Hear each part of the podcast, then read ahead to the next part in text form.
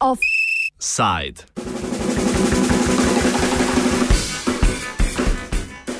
Dojke na delu.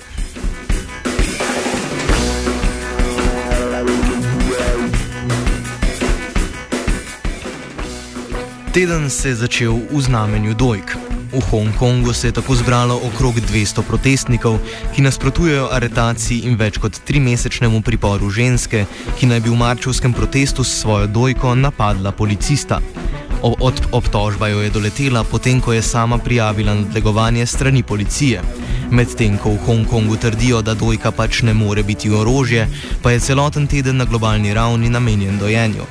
Tokrat je namenjen ženskam, ki delajo in pravicam, ki jim pripadajo v primeru materinstva.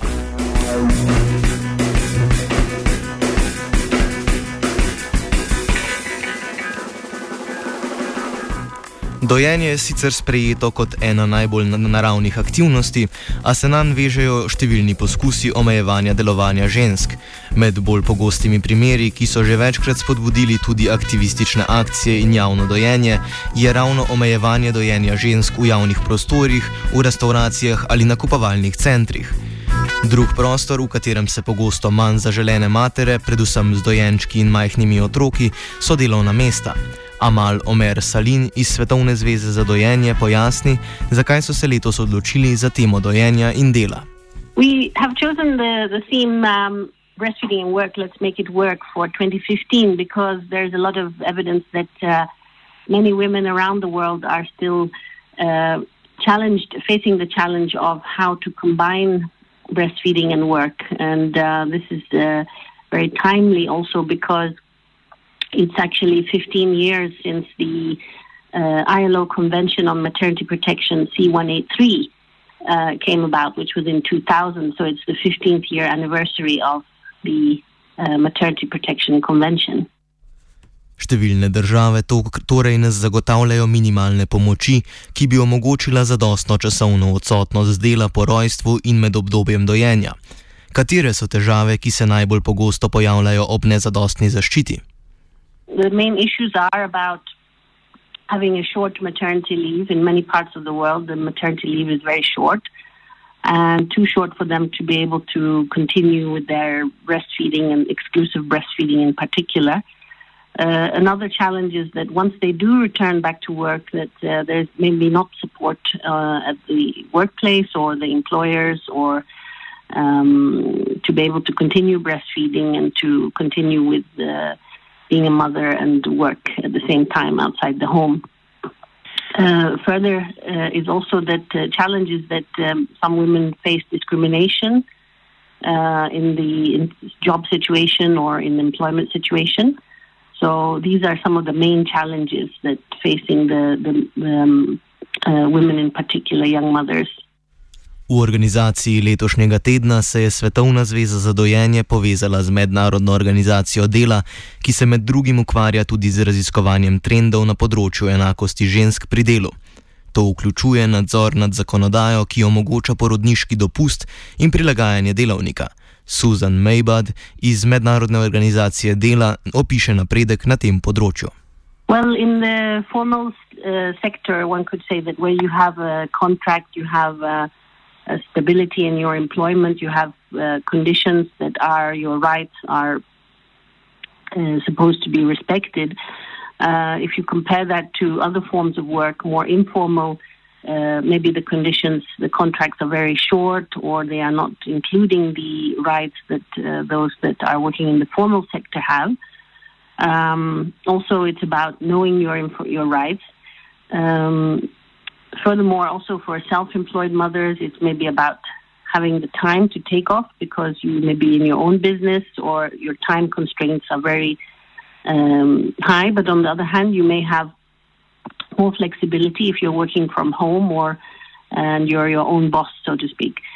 Um, so there's uh, several differences, but basically we say that in the informal sector, where the contracts and conditions may be less secure for women, that the challenges are uh, greater.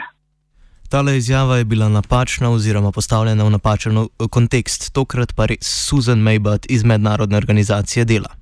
There's always a bit of a, a tension between the roles of women in terms of care, work, and taking care of their family, and with their obligations at work and their need to have a livelihood and to to earn a living. We have a very good report that came out last year about um, maternity uh, law and practice around the world. And in doing the research for that, we noticed that more countries have actually signed up for um, you know, for for giving uh, and adopting maternity leave conventions and giving more more uh, rights, more privileges to women who have had children. So this is something that um, is changing, but it's changing very slowly. So we we're happy that this is happening, but it's not exactly, um, you know, very rapid. Problem je tudi, torej tudi v tem, da nekatere ženske, kljub zakonodaji, ki ščiti pravice zaposlenih, nimajo določenih pravic in ugodnosti v času nosečnosti in materinstva, saj ne uživajo zaščite delo, delovno-pravne zakonodaje. Ali to pomeni, da se v regijah, kjer so prepoznani trendi prekarizacije, stanje dejansko slabša? Susan Maybud. Certainly isn't getting better. um, there there is more precarity. There is, and there are many many examples of women being pushed into this the the the, the part time jobs, the uh, temporary work, the zero hour contracts. You know, be on call and we'll let you know um, when you can come for a shift or when you can. You know, we don't need you now. Don't. It becomes practically impossible for women to arrange proper childcare for their children, um, a proper a proper balance between their life and, and their work. So this is definitely something that, that we do notice. Prekarizacija je vse prisotna. A kako je s porazdelitvijo glede na spol? Usually the more precarious contracts go to women. Um, and looking at maternity, looking at occupational safety and health, you know, there is a bit of a, a, a, deterioration around the edges. And so we really are very, very conscious of this. In many cases, for example, in Holland, in the Netherlands, you have, it's the country that has the highest rate of part time work. But much of that is voluntary. And that's what we stress. We say if the, if the part time work is sought by the women, because they want to have a better balance between work and family, and they're rather for a certain period of their life, not necessarily for uh, for their whole careers, but for a certain period of their careers where they have uh, childcare responsibilities, etc. They choose to go voluntary and go part time. That's fine. That's something that's perfectly acceptable. It's the non-voluntary where where you have women being pushed into you must take part time. Poleg razmer na trgu dela lahko prepoznamo še druge zunanje dejavnike, ki vplivajo na možnosti žensk, ko se odločijo za materinstvo. Eden od njih je dostopnost otroškega varstva. Susan Maybud. Often women will, will go to part time or into the precarious situations because there isn't good childcare being provided.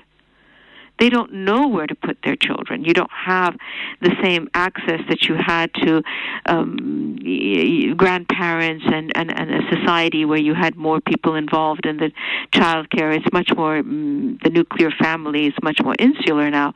And there often is not very good state provided child care.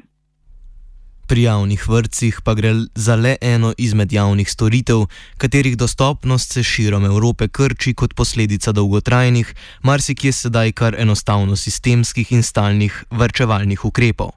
Vpliv le teh opiše Susan Maybud. That really does influence um, women's ability. On the other, and I think governments need to mm, need to put this in a balance because on the one hand they want more employment. They know they need to have you know more employment for growth and they they they, they need to be employing the women and and the full talent pool. But on the other hand they're cutting the services. And that makes it extremely difficult. And this is not just a women's issue it's a family issue. The family is an economic actor.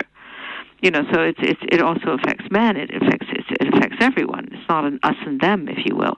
But certainly, yes, the the the services being cut um, is going to have an impact on how how um, how children are taken care of and how how we provide as as as as as as, as countries as governments um, the care that is also needed.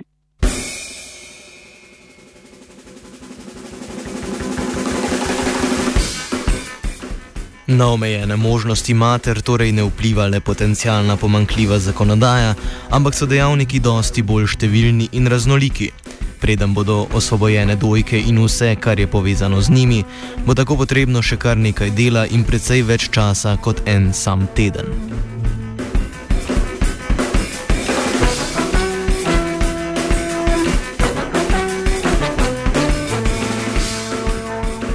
Offside je pripravila Zala.